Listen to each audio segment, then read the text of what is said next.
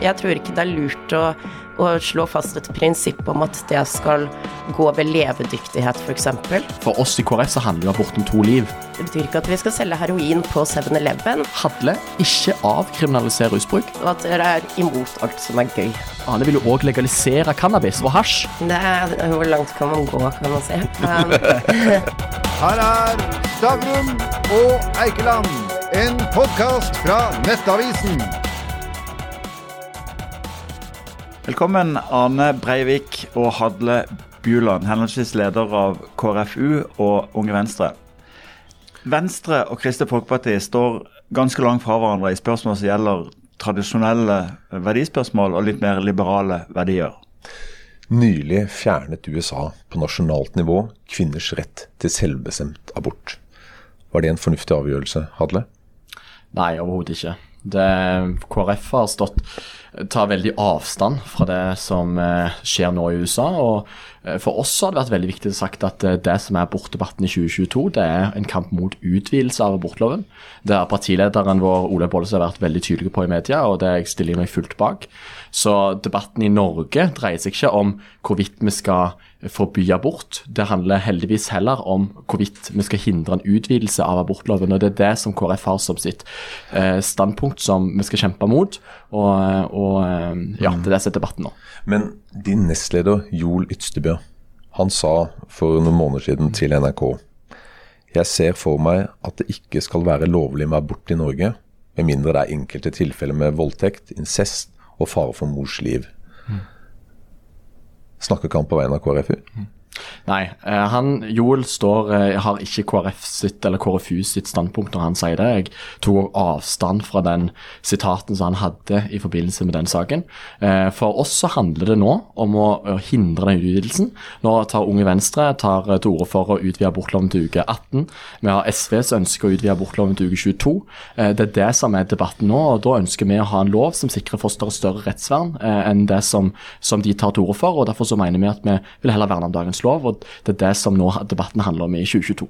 Anne, bare aller først. eh, Roe versus uh, uh, Wade. Wade i USA. Var det en fornuftig avgjørelse? Um, jeg tror nok svaret mitt på det spørsmålet er ganske åpenbart. Det er jo helt uh, hårreisende egentlig at uh, flere millioner kvinner har mistet tilgang til fri abort nesten over denne helgen, som også har vært uh, spesiell på mange måter også her i Norge. Og så kan man jo stille spørsmål ved hvorvidt um, grens, abortgrensen, om det er noe som bør avgjøres av domstoler eller av politikere. Men jeg ser jo ofte på domstolssystemet eh, så, som nettopp den dømmende makt. De plukker jo gjerne opp ballen der den lovgivende makt feiler. Og abort i seg selv eh, holder jeg som en ganske viktig reproduktiv rettighet. Det handler så kan man jo godta at eh, det selvfølgelig også er en grensedragning, eh, men det er utrolig viktig når det kommer til kvinners rett til å bestemme over egen kropp, at man også har tilgang da, til fri abort. Vi- La oss bare gå litt, litt på, på, på prinsippet. Hvis du, ser på, hvis du ser på den opprinnelige Roe versus Wade-begrunnelsen, så var det på en måte en avveining av kvinners rett til sin egen kropp og sin egen graviditet og fosterets rett på liv. I Norge er altså grensen 12 uker for selvbestemt abort, mens Venstre går inn for 18 uker, og SV går inn for 22 uker, som er bare egentlig dager før eh, fosteret er levedyktig. Hvilke verditanker gjør du deg om akkurat den vurderingen? Det er jo slik at vi må dra grensen et sted, fordi det jo nettopp er den avveiningen mellom fosterets rettsvern, som, som, som vi også må godta at blir sterkere eh, jo lengre i svangerskapet man kommer, og kvinners selvbestemmelse. Um, og så, så tror jeg Altså, det er både, både politikere, både moralfilosofer og Um, og leger kan godt ha ulike forslag til en grense. Jeg tror ikke det er lurt å, å slå fast et prinsipp om at det skal gå ved levedyktighet, f.eks. For, eksempel. for det, det tror jeg også på sikt kan medføre at man nettopp utraderer den retten til abort. fordi hvis vi, hvis vi ser for oss at vi kommer til å gjøre stadig flere bioteknologiske og medisinske fremskritt, så kan det etter omstendighetene bety at da, da vil jo en grense for levedyktighet eh, da dras eh, tilbake til enda nærmere unnfangelsen. Um, men eh, i hvert fall noe av grunnlaget for å utvide selvbestemmelsen til uke 18, det er både at det ikke er så fryktelig radikalt. De, mange av de landene vi liker å sammenligne oss med i Nord-Europa, har grensen ved uke 18, eller senere for så vidt. Eh, I dag så har man en bestemmelse i loven som medfører at eh, eh, etter uke 18 så stiller man strengere vilkår eh, for å tillate søknader om abort. Men mellom uke 12 og uke 18 så er det svært skjønnsmessig, og man ser det Man ser hver enkelt konkrete sak og gjør en egen vurdering av det, og kan også legge vekt på kvinnens sosiale og samfunnsøkonomiske vilkår, egentlig. Og når 95 av abortene som det søkes om mellom uke 12 og uke 18 innvilges, så synes jeg som en liberaler også at eh, dagens abortnemndsystem mellom uke 12 og uke 18 fremstår som svært overflødig, som et byråkratisk mellomledd, og da kan det like godt fjernes. Hadde ikke det et poeng? Altså Når 95% får ja i abortnemndene, og det er fullt lovlig å ta abort fram til uke 18, hvorfor skal det ikke være selvbestemt helt fram til uke 18? Nei, altså Vi mener jo det er problematisk at hvis du utvider abortloven til uke 18, så svekker du fosterets rettsvern. fordi at eh, du har noen innsigelser i dag med abortnemnd som gjør at terskelen er høyere for å få innvilget abort. Og da er du òg med å gjøre det lettere å kunne ta abort. Så er jo dette her en evig dragkamp, som jeg la Norge inne på. Det at eh, hvorvidt er du skal For oss i KrF så handler jo abort om to liv. Vi mener at livet starter med unnfangelsen, og at eh, derfor så er det djupt problematisk Eller abort er et dilemma på mange måter. Men så er det mange av oss som erkjenner at abort må reguleres. Det er et nødvendig onde på en eller annen måte. og Derfor så er jo det som måte er poenget mitt, at eh, jeg ønsker ikke å utvide abortloven, for da er det med å svekke fosterets rettsvern. Og du sier det jo litt sjøl òg, Anne, at nå når vi har en medisinsk og teknologisk utvikling som gjør at vi kan redde liv enda tidligere, så styrker det egentlig bare argumentet på at vi må ikke utvide abortloven, for vi nærmer oss den grensa for å nå eh, barnets levedyktighet enda mer. Så jeg syns det er kjempeproblematisk og mener at eh, vi må ha full fokus nå på å hindre utvidelsen, for det djupt problematisk og bryter med noen av de eh, verdiene og synet på livet som, som vi har da. Men det er sant at det er en evig dragkamp, og så kan det jo nevnes også at dagens abortlov den har stått stille i 40 år. Tilbake på 70-tallet, da Stortinget vedtok dette, så hadde man jo et bredt stortingsflertall bak det, og det var jo nettopp fordi man inngikk en hestehandel bl.a. med KrF med Senterpartiet osv. Det er ingen prinsipiell grunn til at vi har lagt det eh, til, til uke tolv. Tvert imot, det er jo slik pølsepolitikk lages, eh, at det har vært forhandlinger inne i bildet. Men nå står vi altså med en grense som eh, har stått stille i 40 år. Der vi også vet at det, det å utvide grensen, det kommer ikke nødvendigvis til å føre til flere senaborter. I Sverige så har de ikke flere senaborter enn oss. I Norge så tar det store, store flertallet abort før uke ni, og det er ingen grunn til å tro at det vil medføre flere aborter å utvide grensen, men det vil fjerne et overflødig mellomledd, et nemndsystem som svært mange også kan oppleve som ganske belastende og som en stor påkjenning. Ok, Vi, ja. nå, nå føler jeg på en måte at vi har fått eh, kartlagt eh, synspunktene, så vi går videre til et annet tema. Ja. Eh, Anne, dere vil føre en mer liberal alkoholpolitikk. Hvor liberal? Det er, hvor langt kan man gå, kan man si. Um. Nei, alkoholpolitikk det er jo også en avveining, selvfølgelig, mellom små friheter i min og din hverdag, mellom folkehelsepolitikk. Og jeg kan jo starte med å erkjenne at selvfølgelig så har vi jo studier som viser at det å ha en restriktiv alkoholpolitikk i Norge, at det medfører mindre Det å ha mindre tilgjengelighet, det medfører mindre bro, bruk, og derfor mindre skade også, eh, mindre alkoholisme. Men samtidig eh, altså, så, så tror jeg at og, det må vi nesten Det er nesten et premiss man må godta, samtidig som man også kan mene at det er visse liberaliseringer som tiden er overmoden til, som ikke kommer til å medføre stor skade i samfunnet, men kanskje gjøre det litt friere i folks Hvilke da? Hvilke da? Hvilke friheter? Eh, utvide åpningstidene på polet. Jeg syns det kunne vært opp til kommunene selv, og det er jo kommunal selvbestemmelse som KrF pleier å være ganske store tilhengere av. Eh, at kommunene bør kunne bestemme selv både skjenke drikking og regulering. Jeg syns vi kan myke opp alkoholreklamen ganske mye. Og så må jeg si at etter å ha vært litt i utlandet, nå er det jo uh, For mange av oss så var det jo to år siden sist.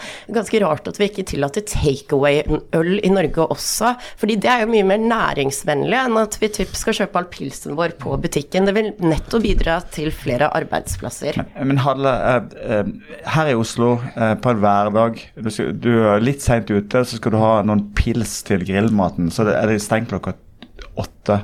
Hvem i all verden mener at tilgang til pils klokka åtte om kvelden er et veldig viktig rusregulerende tiltak? Ja, altså, jeg mener jo at norsk alkohol alkoholpolitikk er veldig bra. Vi har jo Vinmonopolordningen, vi har alkoholavgiftene, vi har reklameforbudet. Og jeg mener at summen av alle de tiltakene er jo med å sørge for at vi snakker om alkoholpolitikk ikke som et næringstiltak, men det er en helsepolitikk. Det handler om hvordan vi skal ivareta folkehelsa, både for uh, folks helse, men òg for de sårbare og utsatte gruppene i samfunnet. Men pils klokka åtte om kvelden Nei, men Det handler jo om økt tilgjengelighet og fører til økt forbruk. Det viser jo all forskning. Og da handler det om at når det er 90 000 barn som gruer seg til jul hvert eneste år pga. foreldrene sitt alkoholmisbruk, og at vi vet veldig mange unger lider av familiene og foreldrene sitt alkoholmisbruk, så er det helt klart at vi trenger en streng alkoholpolitikk. Og da mener jeg at de prinsippene som vi har i norsk alkoholpolitikk i dag, er ekstremt viktige. Eh, og når, eh, når Ane tar til orde for takeaway-øl og utvide åpningstider og alt det her, så dette med å gjøre det enda lettere å sørge for et alkoholmisbruk som jeg tror vil få enda større konsekvenser for de som trenger det aller mest. Og Det er jo det som er det viktige prinsippet for oss. Det er de aller mest sårbare, de utsatte gruppene. og Det er derfor vi også det blir jo det blir nesten som et sånn klasseskille. da. Altså De som har råd til å bare kjøpe en kasse med øl, har gjort det. De kjøpt en, har en vinkjeller, har det. Så de kan jo bare gå ned plukket. plukke.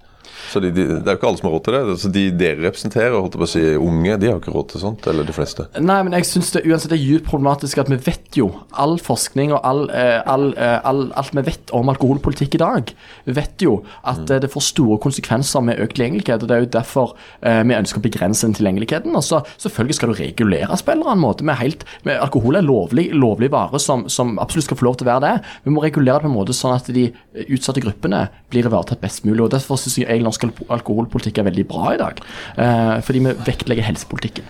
Arne, vi, vi koser oss og fortsetter med rus. Eh, Venstre var jo en, en sterk tilhenger av uh, den såkalte rusreformen. Også, og du, du nevnte i sted Uh, dette fenomenet med at retten faktisk lager ny politikk. og Det har jo skjedd i Norge, hvor Høyesterett har på en måte forbudt å straffe folk med, med smådoser. Eh, hva tenker du rundt den diskusjonen om det er rett eller ikke å straffe folk som er syke, altså narkomane, for, eh, for å ha brukerdoser? Jeg vil si at jeg glemte et par alkoholliberaliseringer i stad. og det er jo, Vi vil jo selvfølgelig også tillate drikking på offentlig plass, på fotballstadioner. og så mener jeg også at vi bør... Barn, da, på disse fotballarenaene, skal ikke de være trygge arenaer? Men, men da er vi tilbake på klasseskillet. For de på VIP-tribunen de sitter jo og snakker plassene sine, mens folk eh, de har ikke. Nei, jeg mener at uh, idretten skal være for alle. skal skal være for barna. Derfor skal idretten være alkoholfri. Men hadde, ser ikke du problemet med å straffe folk som faktisk er syke? Folk som er narkomane, med at de har uh, brukerdoser på seg? Ja, men Problemet med den rusreformen er at alle her er enige om at uh, rusmisbrukere skal møtes i størst mulig grad for å både hjelpe oss ut av rus. Og så er det hvordan skal vi gjøre det på en best mulig måte. Den rusreformen som har blitt, lagt, blitt behandla i Stortinget, og som òg vår regjering fremma, som KrF var veldig imot, det var jo en generell avkriminalisering. Det vil si at alle ulike grupper som eh, har, uh, bruker narkotika, skal ikke få sanksjoner på rusbruk, de skulle få en frivillig legetime. Uten noe oppfylling, uten noen midler til kommunene. Det mener ikke jeg var en god nok oppfylling. For jeg mener at uh, da må vi heller gå inn og hjelpe de gruppene. Jeg var selv, når den rusreformen kom ut, så reiste jeg og besøkte en rusinstitusjon i Stavanger. Da møtte jeg en ungdom. Han sa veldig tydelig til meg Hadle, ikke avkriminalisere rusbruk. For da hadde ikke jeg vært rusfri i dag. Han fikk muligheten til å ta del i ruskontrakt, og det var med å la press på at han òg tok del i det tilbudet. Hvis ikke så hadde han ikke gjort det. Så jeg mener jo at eh, vi må gi både politiet myndighet til å kunne eh, beslaglegge de kriminelle nettverkene som finnes i disse miljøene, men òg vi må også ha initiativ sånn at politiet og ikke minst også helse- og faglige personer har mandat til å kunne hjelpe folk ut av rusen, som er vårt mål. Anne, forklar, forklar, hvorfor ikke Venstre er bekymra for at det å liberalisere, eller det å godta at folk rundt med, med, narkotika, faktisk kan ødelegge for bekjempelsen av narkotika? Det, det er sant at rusreformen innebærer en generell avkriminalisering av rusmidler som i dag er ulovlige. Og det er fordi vi har eh, flere rapporter, vi har sterk forskning, erfaringer fra andre land, som viser at straff ikke fungerer. Det får ikke ned bruken av rusmidler i samfunnet.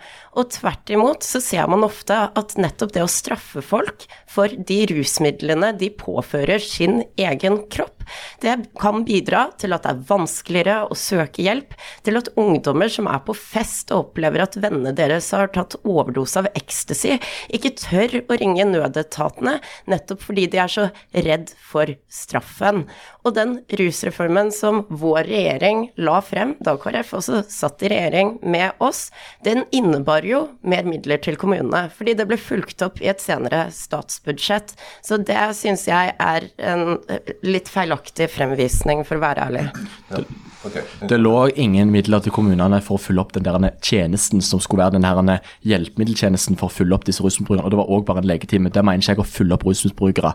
Det mener jeg er å svikte dem. Jeg mener heller vi må ha et ordning som sørger for at folk blir rusfrie, kan ta del av et program. Og det har du i dag med ruskontrakter. og Så kan vi heller se på hvordan vi kan forbedre det tilbudet. Men, men ikke nok med det, men Ane vil jo òg legalisere cannabis og hasj. Sant? Så hun trekker det jo enda lenger. Det er ikke bare, ikke bare rusreformen, men det er jo å ha fri hasj, som jeg mener òg er kjempeproblematisk. at du kunne kjøpe hasj på polet. Det mener jeg òg er med å gjøre, sørge for at enda flere vil kunne få kontakt med rusmidler, som jeg mener er veldig problematisk og vil få store konsekvenser for samfunnet vårt. Hvorfor vil du eh, legalisere? Salget av cannabis. Jeg kan starte med å si at Visjonen om det rusfrie samfunnet, som har ligget til grunn nettopp for den forbuds- og straffepolitikken som Norge har ført i flere tiår, det har jo åpenbart feilet. I løpet av de årene der Stortinget satte opp maksstraffen for narkotikalovbrudd opp til 21 år for bruk og besittelse av narkotika, så opplevde vi den største økningen i både rusbruk og i overdosetall. Og jeg tror ikke alle kan bli rusfrie heller. F.eks.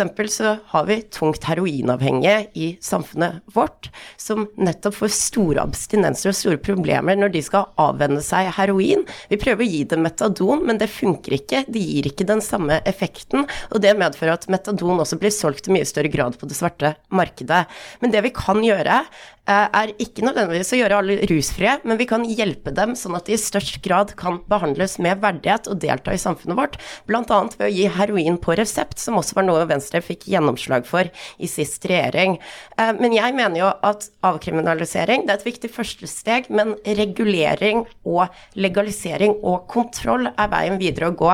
For avkriminalisering kommer ikke til å slå føttene ned under det svarte markedet. Det kommer fortsatt til å være en omsetning av illegale rusmidler slik vi har i dag, også med avkriminalisering. Men dersom staten går inn og regulerer dette, sørger for å sette inn aldersgrenser åpningstider, regulere rusmidlene etter skadepotensialet. Det betyr ikke at vi skal selge heroin på 7-Eleven, men det betyr at kanskje man kan se for seg at cannabis kan selges i et lisensiert utsalg, og heroin kan gis på resept. Og da kan vi sørge nettopp også for at de rusmidlene folk tar, ikke er livsfarlige i verste konsekvens.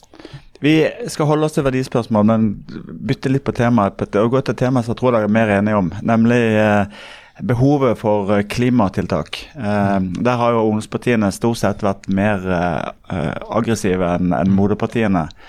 I fjor gikk altså norske klimagassutslipp ned med 0,3% Med det tempoet der som vi holder på i 150 år for å halvere de.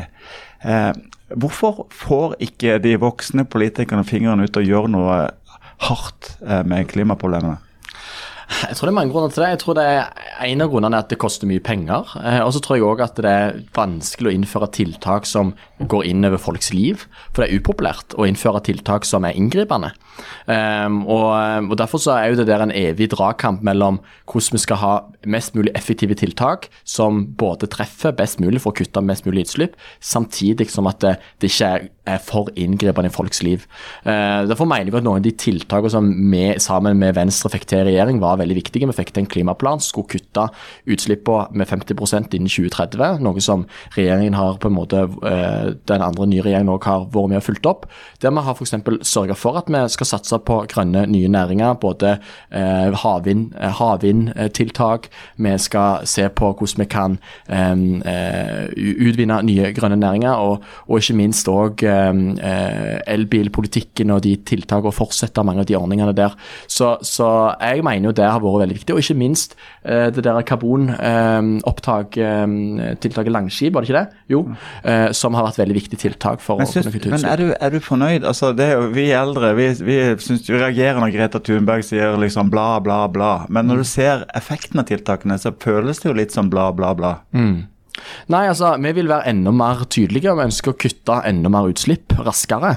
Eh, men, men eh, og, og derfor så Det er egentlig sånn felles omforent at alle med ungdomspartiene er enige om at vi ønsker nok at moderpartiene våre skal være enda mer radikale i dette spørsmålet. Fordi vi er en, en generasjon der vi opplever at det haster. Eh, og, og vi har òg et enormt mye mer trykk i ungdomsorganisasjonen i disse spørsmålene her. Det er et stort engasjement. Anne, dette antar jeg du er glad for å svare på. Du er statsminister for de neste årene. Hva skjer miljømessig med deg som statsminister? Godt spørsmål. Um, det, det er jo også veldig optimistisk for partiet Venstre, det også, for så vidt. Um, um, Og for KrF. Men dere har jo klart det. Det er vi også tilbake på 30-tallet. Um, jeg tror alle kan være enige om at det er too little, too late. Uh, men det som er vanskelig, kan jeg også si, med klimapolitikken, at det er visse tiltak man kan innføre i dag som ikke kommer til å ha effekt før om 10-20 år. Der man regner på netto klimagassutslipp, og man må både se det i typ sånn tiårsperspektivet, for vi må nå målene våre opp mot 2030, men vi må også se det i et 30-årsperspektiv, nettopp fordi dette også angår den, det nullutslippssamfunnet vi skal leve av i 2050. Og da tror jeg egentlig det er da, da tror jeg de politikerne som tar til orde for de mest inngripende og drastiske tiltakene, at de ikke helt um, At de kanskje ser det i et altfor kortsiktig perspektiv. Fordi de tiltakene vi skal innføre i dag, det er de vi skal leve med i 2050, det er de vi skal leve med i år 2100. Det er de vi skal måtte kunne leve med i fremtiden.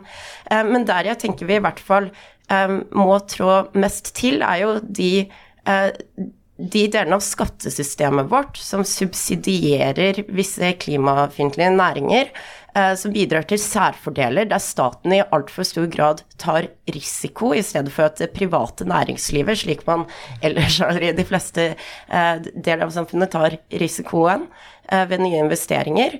Eh, og i tillegg de, skatte, de, de delene av skatte- og avgiftssystemet som også skjermer norsk industri fra nettopp kutte i klimagassutslipp. Og da er jo visse lavthengende frukter, det er jo oljeskattepakken, som jo ble innført gjennom hestehandel på Stortinget i løpet av korona.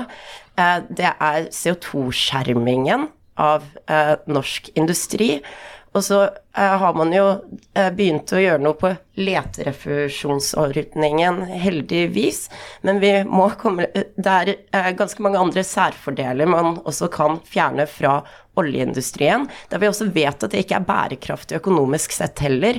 Der prognosene, der analytikerne nettopp viser til at mange felt som man gjerne åpnet eh, mellom 2000 og 2010, ikke kommer til å være lønnsomme på lang sikt, fordi oljeprisen kommer til å falle. Med andre ord, du vil legge ned oljeindustrien i Norge. Jeg har ikke lyst til å legge ned oljeindustrien, men jeg ønsker en gradvis utfasing, og det handler også om forutsigbarhet. Mine foreldre møttes i oljenæringen, moren min jobber i Equinor.